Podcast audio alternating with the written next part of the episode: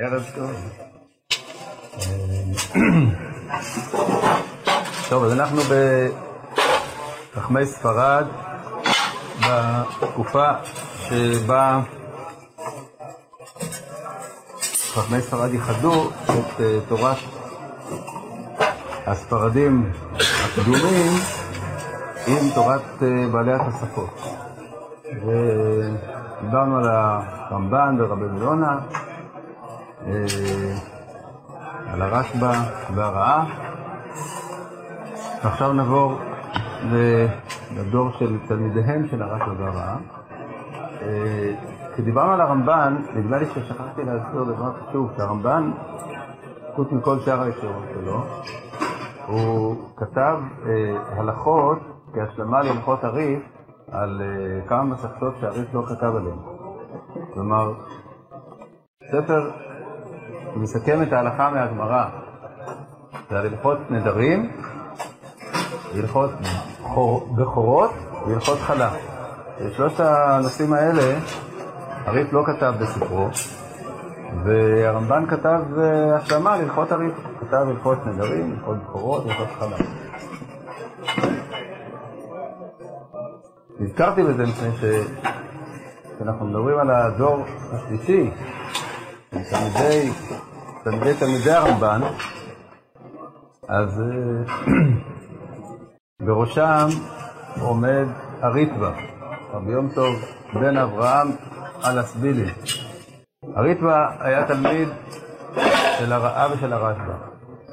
הוא כותב סתם מורי, נטרי רחמנא ופרקי, או רבנו, נתן רחמנא ופרקי נרו, זה הרעה, לא הרשב"א. כשהוא מדבר על הרשב"א הוא כותב אה, לפעמים מורי הרשב"א, לפעמים הוא כותב הרשב"א סתם, הוא כותב רבנו הגדול, למי הוא מתכוון? הרמב"ן. זה כינוי קבוע אצלו. רבנו הגדול זה הרמב"ן, אמרנו כבר שהוא כתב באחת התשובות שכל חכמי הארץ הזאת הם תלמידיו של רועה נאמן אחד, שהוא רבנו משה בן נחמן. אז הוא היה תלמיד תלמידיהם, תלמיד תלמידיו של הרמב"ן, ולכן הוא קורא לו רבנו הגדול. אבל סתם מורי או רבנו זה, הרש, זה הרעה. הריטב"א כתב כידוע חידושים על רוב מסכתות הש"ס ביותר ממהדורה אחת. הרבה פעמים מזכיר את המהדורה הקודמת שהוא כתב. ומה שיש בידינו, זה לפעמים המהדורה הראשונה, לפעמים המהדורה השנייה. מה אתה הבנת? לפעמים יש לנו שתי מהדורות. שמודעה אה, זה רק למשל, בתנאי למשל שאתה במסכת אנוס. קידושין, אבל אם אתה לא אנוס. לא כותבים מודעה. מה אה, כבר לא כותבים? קודם כל, הריטב"א, של דבר, שבית דין, זאת. אומרת, אומרים לאדם אל תכתוב, שאחת מהן היא כנראה אומרים להם אל ת- מצעירותו, אל תכתוב כזאת מודעה. הוא מביא הרבה מה יהיה הדין למשל? פסקים של אה, כתב מודעה הוא לא אנוס. הרמה, הרמה כתב אבולעפיה. מודעה, ויודעים, מביאים מועדים, ויודעים כלשונם. שהוא- אנחנו יודעים שהוא לא אנוס. משמש מקור דבר להכרת מעשה הרמה מגט או. עכשיו הוא מביא אבל. בכלל, גם במסכתות אחרות, אומר אני אומר- במהדורה, אחרי הכל, אני אומר, רצה הארוכים. לצחוק על אדם הזה, שיחשוב שהוא מכר לו, יתעצבן ויפיל אותו. כתב חידושים ארוכים לצעירותו. לא כתוב מודעה פירושו של דבר שלא... מה? לכן יש לנו על הרבה מסכות חשש חידושי הריטב"א, והוא כתב פירוש על הלכות נדרים של הרמב"ן. כמו שיש הפירושים על הריף, אז הריטב"א כתב פירוש להלכות נדרים של הרמב"ן, הוא נתפס בש"סים. אה, יש גם אה, חיבורים קצרים של הריטב"א, בודדים. אחד נקרא הלכות ברכות, הלכות ברכות לריטב"א, נתפס יחד עם החידושים למסכת ברכות. אחד אה, הלכות ליל הסדר, כתב חיבור מיוחד על ליל הסדר, הלכות ליל ליל הסדר, נתפס מהחידושים לפסחים, ויש אה, קובץ של תשובות, תשובות הריטב"א. אה, חבר של הריטב"א, כן?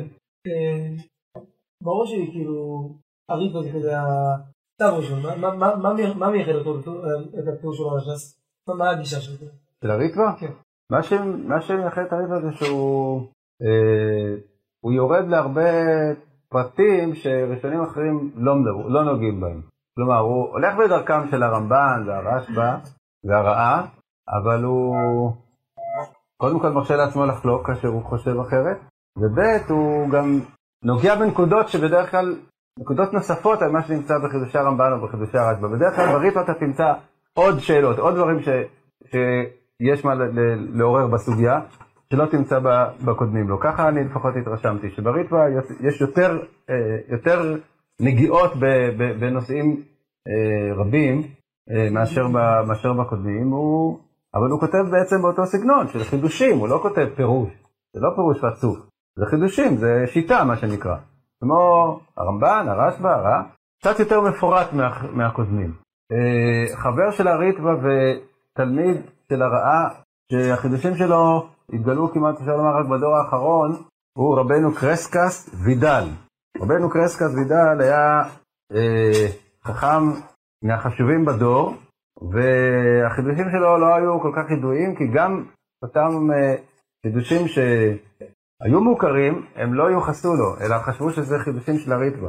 אז אה, רק בדור האחרון זיהו בפירוש מה שייך לרבנו קרסקס וידל, ויש לנו בעצם רק על שתי משכתות את החידושים שלו, אחד על גיטין ואחד על כתובות. אז גיטין למשל, הוציאו את זה לאור יחד עם חידושי הריטב"א. ממש באותו ספר, כלומר חילקו את הספר לשניים, חצי הספר זה חידושי הריטב"א, חצי הספר חידושי רבנו קרסקס. אה, אז הוא כותב פה, המיוחסים לריטב"א ונתפסו על שמו. היו דפוסים קודמים שהדפיסו את זה כחידושי הריטב"א, אבל בעצם זה חידושים של חכם אחר, אמנם גם הוא היה תלמיד הרעה, אבל הסגנון שלו ניכר מאוד שזה לא הסגנון של הריטב"א, זה סגנון אחר, והוא אה, אה, חשוב מאוד בפני עצמו. הוא יותר עצמאי, הוא עצמאי, הוא, הוא, הוא כזה אה, מרשה לעצמו לא רק לחלוק על הרמב"ן, אלא גם לחלוק על רש"י, והוא מאוד אה, מאוד אה, מיוחד. אז זה יש לנו על שתי מסכתות, רבנו קרסקס וידל. השם קרסקס היה היה שם פרטי, אבל הוא גם שימש כשם משפחה. אנחנו יודעים הרי על, על מי? רבנו חסדאי קריסקס, שהוא מכמה דורות יותר מאוחר, שהוא היה, ששמו הפרטי היה חסדאי, אבל על שם המשפחה היה קרסקס, ופה מדובר על אדם שהשם הפרטי שלו הוא קרסקס. טוב, אז לגבי, אלה הם שניהם תלמידי הרעה, והריטב"א למד גם אצל הרשב"א.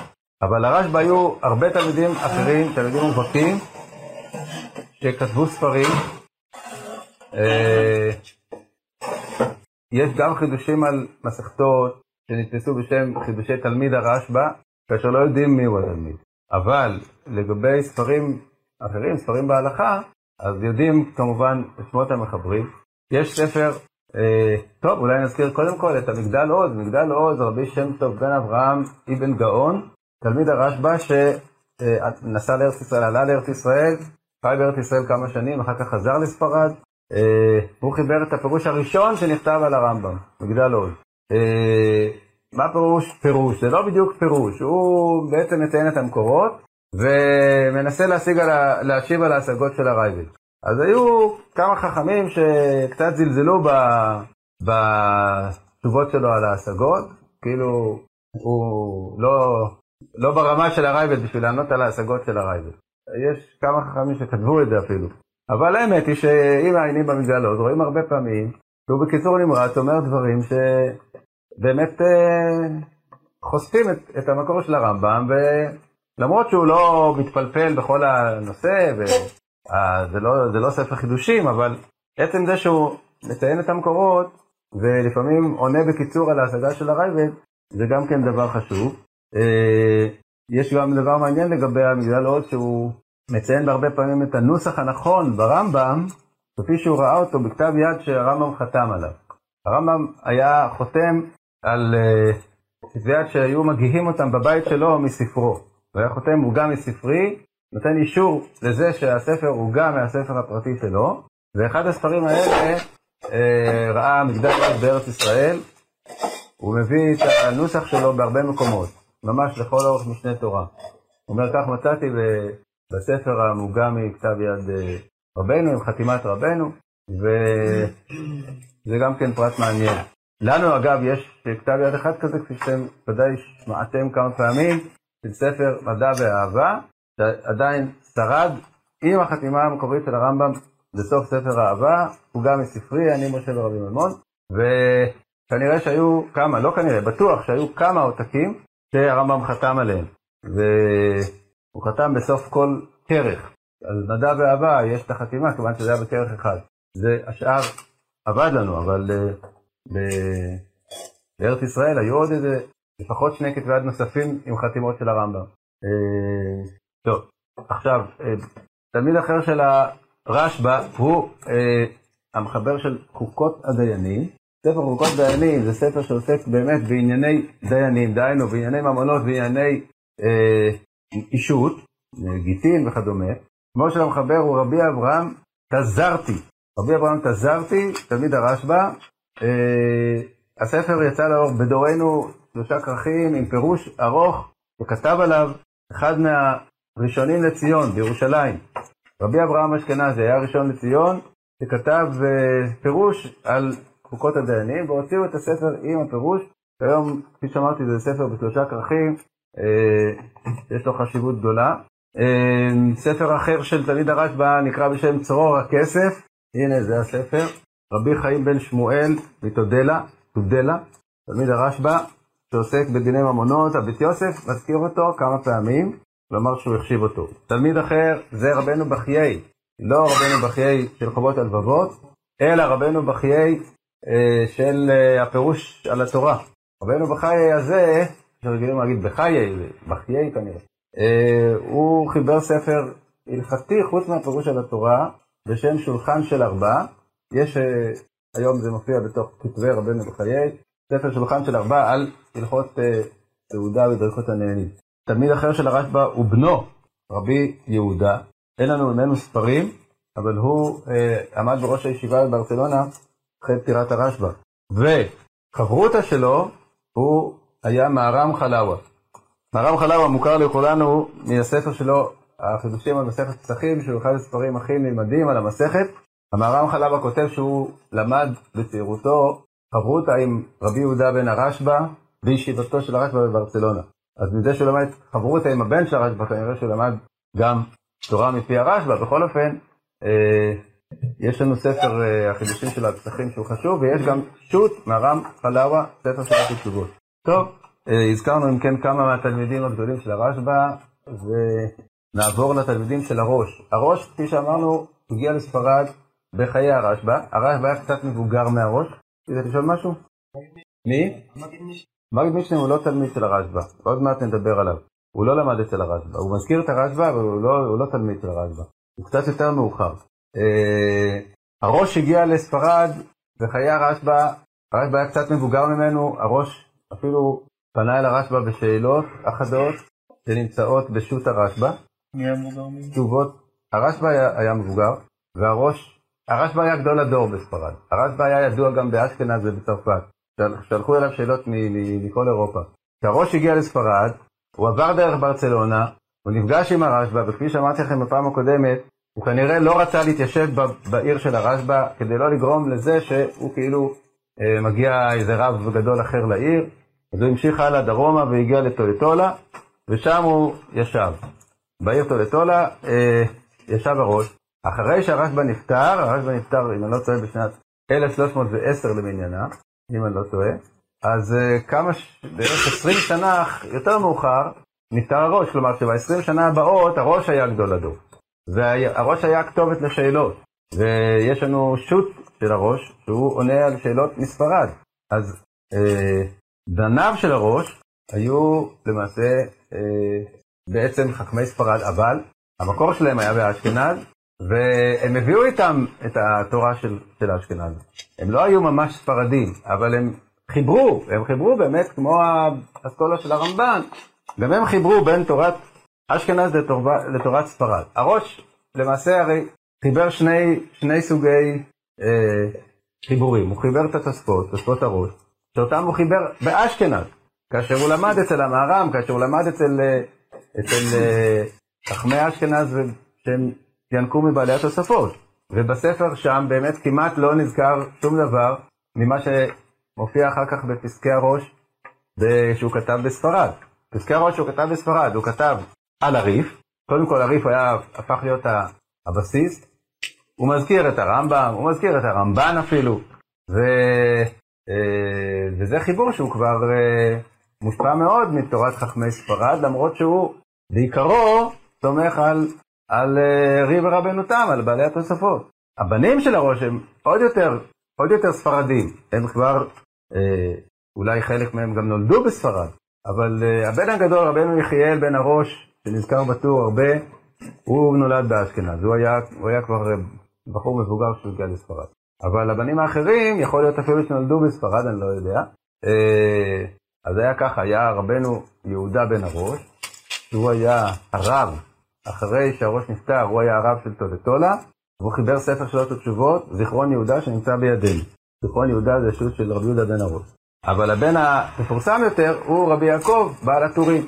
רבי יעקב בעל הטורים, למעשה כתב את הספר המכריע בתולדות ספרות ההלכה, שבעקבותיו בא שולחן ערוך. כי העובדה שרבי יוסף קארו כתב את הפירוש שלו, בית יוסף, על הטור, גרמה לזה שהטור הפך להיות הספר שעל פיו, על פי הסדר של הטור, אה, הוא חיבר את השולחן ערוך, וזה בעצם הוריש לעם ישראל את, ה, את אותה מתכונת שהטור קבע. דהיינו קודם כל ארבעת הטורים, אור החיים, יהודיה, אה, אבן העזר וחושן משפט. וכל הסדר של הדברים, הכל, מאז, מאז אה, יש לנו את ה, הסדר של הטור הוא בעצם הדומיננטי בהלכה, יותר מהרמב"ם.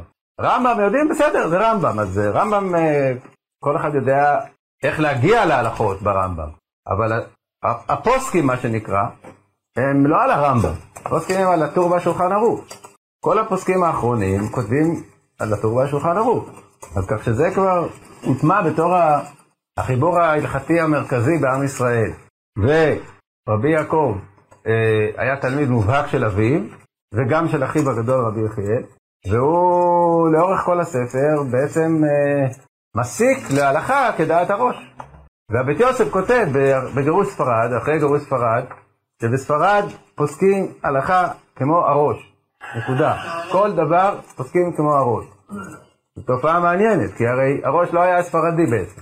אבל מאז שהראש נפטר והטור חיבר את ארבעת הטורים, היו עוד אחר כך אה, קרוב ל-200 שנה עד גירוש ספרד.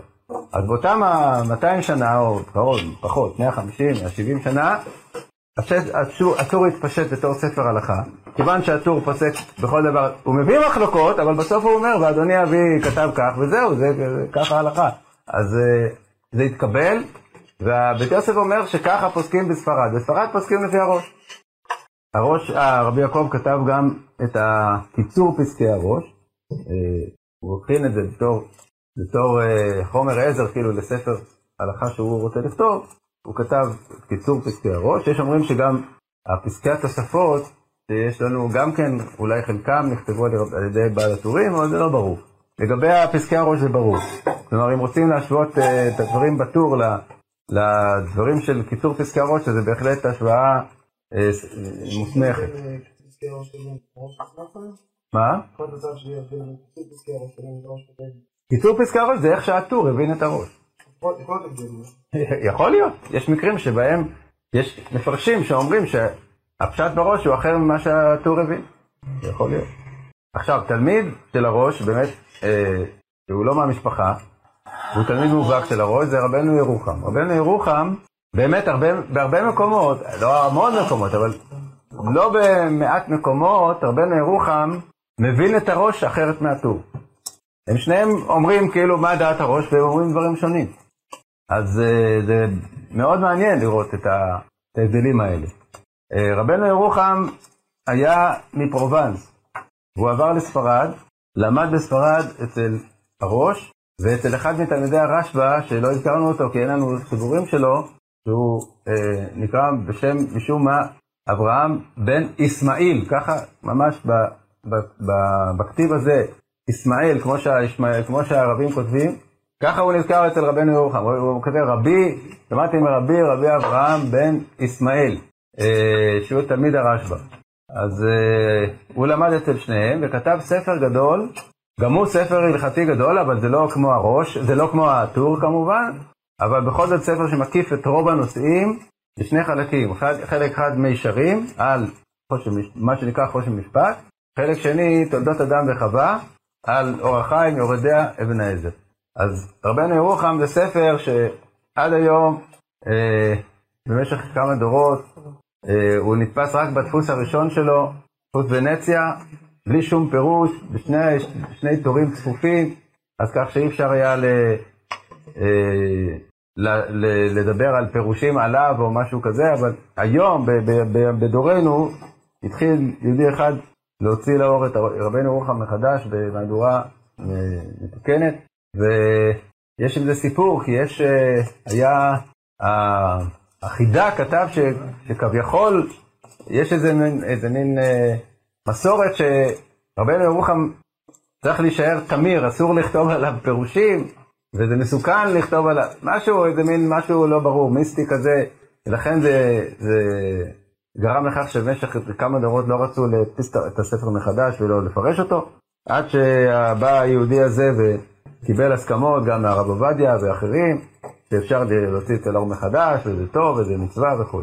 טוב, בקיצור, אה, זה לגבי רבנו ירוחם, שהוא, כפי שאמרתי, הוא, הוא לא כמו הטור. הטור מביא הרבה יותר דעות בצורה מפורטת, הוא ספר יותר מסודר, יותר אה, מלא, אבל גם רבנו ירוחם מובא על ידי הבית יוסף על ימין ועל שמאל. רבנו ירוחם, אחד מהפוסקים שהבית יוסף אה, תומך עליהם בשתי ידיים, והוא כאמור גם כן תלמיד הראש. הדור הבא אחרי תלמידי הרשב"א זה הר"ן.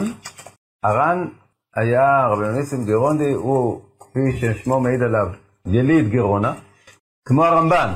הרמב"ן גם כן היה מגרונה, ועבר כמו הרמב"ן לברצלונה, ועמד בראש הישיבה כמו הרמב"ן, ראש ישיבת ברצלונה. זה לא היה ישר אחרי הרשב"א, אמרתי שרבי יהודה בן הרשב"א היה אחרי אביו, ואחר כך הר"ן. הר"ן לא למד אצל הרשב"א. הר"ן השתמש בספרים של הרשב"א קבוע, והרבה פעמים הוא גם כותב דברים, אפילו בלי להזכיר את הרשב"א, שזה, שזה מחידושי הרשב"א. כי ככה היה נהוג, שכל התורות של הקודמים היו נחשבות כאילו דבר שכל אחד אה, יודע למה אתה מתייחס. הוא לא צריך אפילו לצטט. הרבה פעמים הוא כן מצטט, הוא כן לא כותב שזה ככה אמר, אה, כך כתב הרשב"א, אבל הרבה פעמים הוא גם מביא את דבריו בלי לכתוב אה, מאיפה זה, כי זה כאילו פשיטה. בכל אופן, אה, הר"ן, כידוע, הוא אחד הראשונים החשובים ביותר ללימוד, כי הוא מאוד מאוד בהיר. מאוד מאוד בהיר. זה אחד מהדברים המיוחדים לר"ן, שמה הפשט בר"ן זה אי אפשר לטעות, כי הר"ן מסביר את עצמו מצוין. לפעמים אפשר ל, ל, לא לדעת מה הכוונה של הרמב"ן, או מה הכוונה של הרשב"א, או מה הכוונה של הריטב"א. הר"ן הוא מאוד ברור. הוא אה, כתב, כידוע, את הפירוש על הריף, וחידושים על מסכתות, בנפרד, חוץ מהפירוש על הריף. חידושים על המסכתות, יש אה, הרבה פעמים דברים שהוא לא מתייחס אליהם בפירוש על הריף, ומעריך בהם יותר בחידושים על המסכת, והוא גם מציין הרבה פעמים בריף. כבר כתבתי בחידושיי, או ראה מה שכתבתי בחידושיי וכו'. אז יש לנו חידושי הר"ן על הרבה מסכתות, אבל לא על כל הש"ס ולא על רוב הש"ס, אבל יש אה, לא מעט מסכתות, חידושי הר"ן, חוץ מאשר הר"ן הריף, ויש שו"ת הר"ן. וגם דרשות הר"ן של ספר מחשבתי, יש בו גם כן כמה וכמה נושאים אה, מעניינים מבחינה הלכתית. כן. או, אז זהו, הזכרת דבר חשוב שלא אמרתי, שהר"ן כתב גם פירוש סדיר על מסכת נדרים. למה הוא כתב במסכת נדרים? כי פירוש רש"י על נדרים הוא או מהדורה קמא, שרש"י עוד לא הצליח ל- ל- להגיע ולתקן אותה, או שזה בכלל לא של רש"י, לא ברור. בכל אופן, הפירוש של רש"י על נדרים הוא הרבה פחות, הרבה פחות אה, מתוקן ובהיר ומאיר עיניים מאשר ברש"י הרגיל במסכתות אחרות. אז הר"ן מצא לנכון לפרש, יכול להיות שזה רש"י, אבל זה רש"י אולי מגיל יותר צעיר, שהוא לא הספיק אחר כך לשפר אותו. אז הר"ן כתב פירוש על מסכת נדרים אה, באופן אה, מיוחד, ולא על מסכתות אחרות. אגב, גם הראש כתב פירושים לנדרים ולנזיר, חוץ מאשר, חוץ מאשר פסקי הראש, וחוץ מאשר תוספות הראש. יש לנו הראש, כן? הפסקים. יש תוספות הראש.